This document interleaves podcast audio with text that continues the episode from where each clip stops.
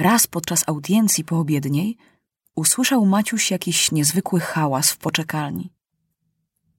Z początku nie zdziwił się bardzo, bo dzieci, kiedy się już przyzwyczaiły, nie tak bardzo cicho siedziały, czekając na audiencję. Ale ten hałas był inny. Tak jakby się ktoś kłócił. Maciuś posłał lokaja, żeby się dowiedział, co to jest. Lokaj wrócił z odpowiedzią, że jakiś dorosły uparł się i koniecznie chce wejść do króla. Zaciekawiło to Maciusia i kazał go wpuścić. Wszedł jakiś młody pan z teką pod pachą i długimi włosami i nawet nie złożywszy ukłonu, zaczął głośno mówić. Wasza królewska mości, jestem dziennikarzem, to znaczy, że piszę do gazety. Już od miesiąca staram się dostać na audiencję, a oni mnie nie wpuszczają. Ciągle mówią jutro, jutro, a potem mówią, że król jest zmęczony i znów każą przyjść jutro. Aż dziś udawałem, że jestem ojcem jednego dziecka. Myślałem, że może prędzej się dostanę, ale lokaje mnie poznali i znów nie chcieli wpuścić. A ja mam bardzo ważną sprawę. A nawet parę spraw. I jestem pewien, że wasza królewska mość zechce mnie wysłuchać. Hm. Dobrze, powiedział Maciuś.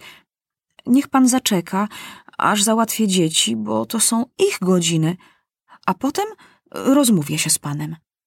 A czy wasza królewska mość pozwoli mi zostać w sali tronowej?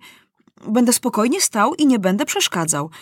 A jutro napiszę do gazet, jak odbywa się audiencja u króla, bo to będzie bardzo ciekawe dla tych, którzy czytają gazety. Maciuś kazał dać dziennikarzowi krzesło i on przez cały czas coś zapisywał do swego kajetu. No, proszę mówić, powiedział Maciuś, kiedy już ostatni chłopiec wyszedł z sali tronowej. Y, królu, zaczął dziennikarz. Nie będę wiele czasu zajmował, powiem krótko. Ale pomimo tej zapowiedzi, dziennikarz mówił bardzo długo i ciekawie. Maciuś słuchał uważnie, wreszcie przerwał. Widzę, że istotnie sprawa jest ważna. Więc proszę, niech pan zje ze mną kolację, a potem pójdziemy do gabinetu i pan dokończy. Do godziny jedenastej wieczorem, mówił dziennikarz, a Maciuś chodził z założonymi w tył rękami po gabinecie i uważnie słuchał. Maciuś po raz pierwszy widział takiego człowieka, który pisze gazety i musiał przyznać, że jest mądry człowiek. I chociaż dorosły, zupełnie niepodobny do żadnego ministra. Y, czy pan pisze, czy rysuje także? Nie, w każdej redakcji gazety jest ktoś, który pisze, a inni znowu rysują. Gdyby wasza królewska mość chciał jutro odwiedzić naszą gazetę, bylibyśmy bardzo szczęśliwi. Maciuś dawno już nie wyjeżdżał z pałacu, więc chętnie skorzystał z zaproszenia i zaraz nazajutrz pojechał samochodem do tej gazety.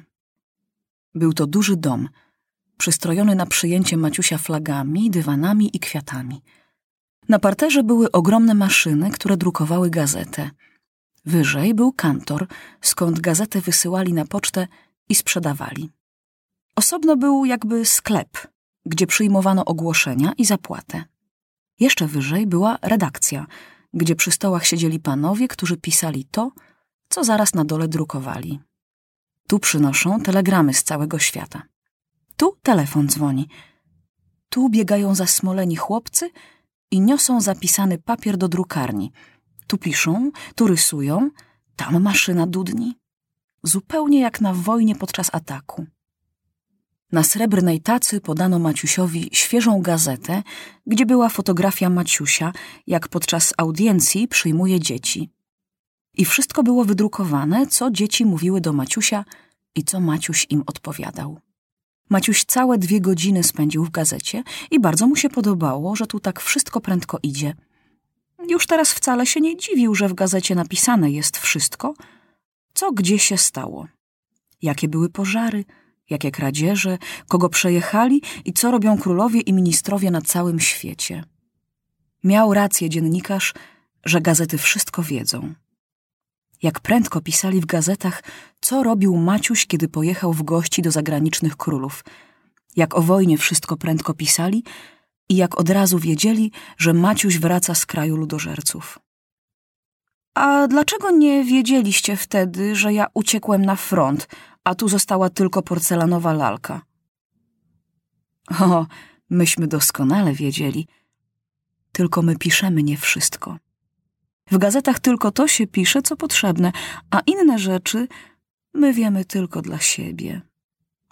Cały naród nie może wiedzieć tego, co niepotrzebne.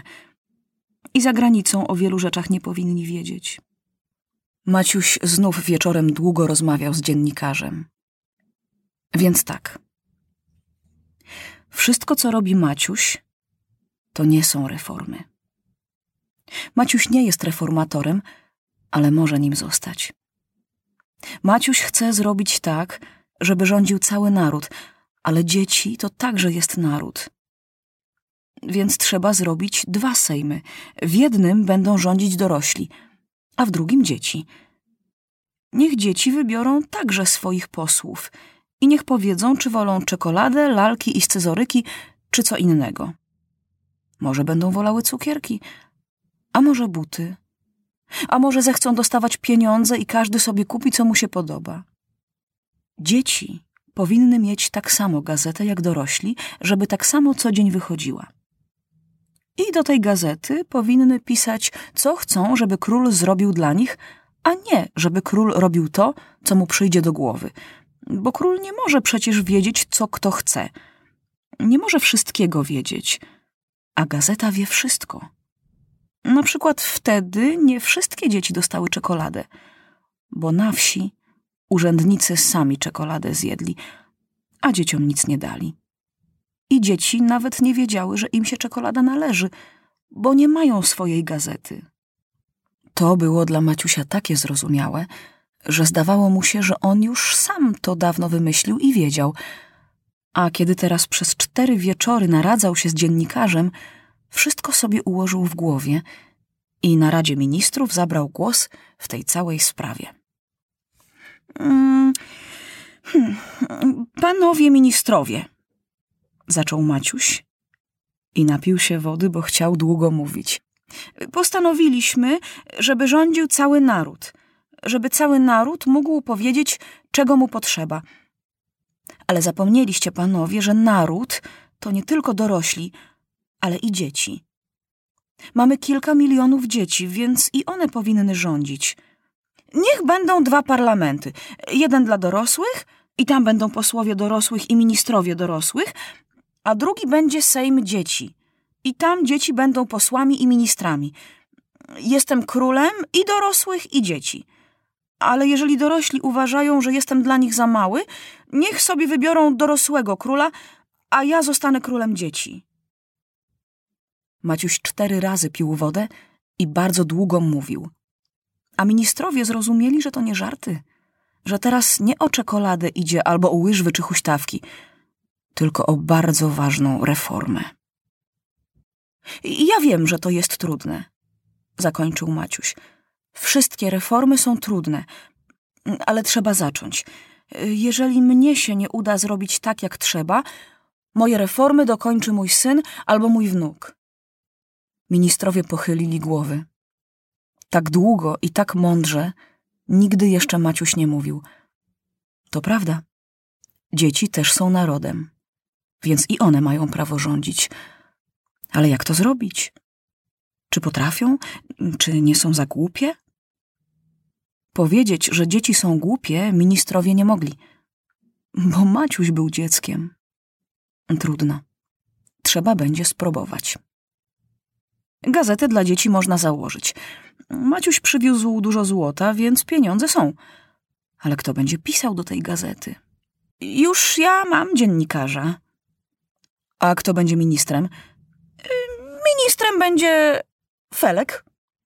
Maciusiowi bardzo na tym zależało, żeby przekonać Felka, że jest nadal jego przyjacielem, bo Felek drażnił się z nim często i mówił – Łaska pańska na pstrym koniu jedzie – na wojnie pod kulami dobry był Felek. A na bale i do teatru i nad morze do zbierania muszelek to lepszy był Stasio i Helcia. Ale do kraju ludożerców znów Felek pojechał, bo tam niebezpiecznie, więc mamusia nie pozwoliła jechać Staszkowi i Helci. A no cóż, jestem synem zwyczajnego plutonowego, a nie pana kapitana. Może znów przyjdzie jakieś niebezpieczeństwo i znów się Felek okaże potrzebny. Bardzo jest nieprzyjemnie, jeżeli kogo oskarżają, że jest dumny. Albo jeszcze gorzej, że jest niewdzięczny. I teraz właśnie nadarzyła się sposobność, żeby przekonać Felka, że się mylił, że Maciuś pamięta o nim nie tylko w biedzie. Przytem Felek ciągle biegał z dziećmi. Pełno go było na wszystkich ulicach, więc z pewnością dobrze wie, czego dzieciom potrzeba.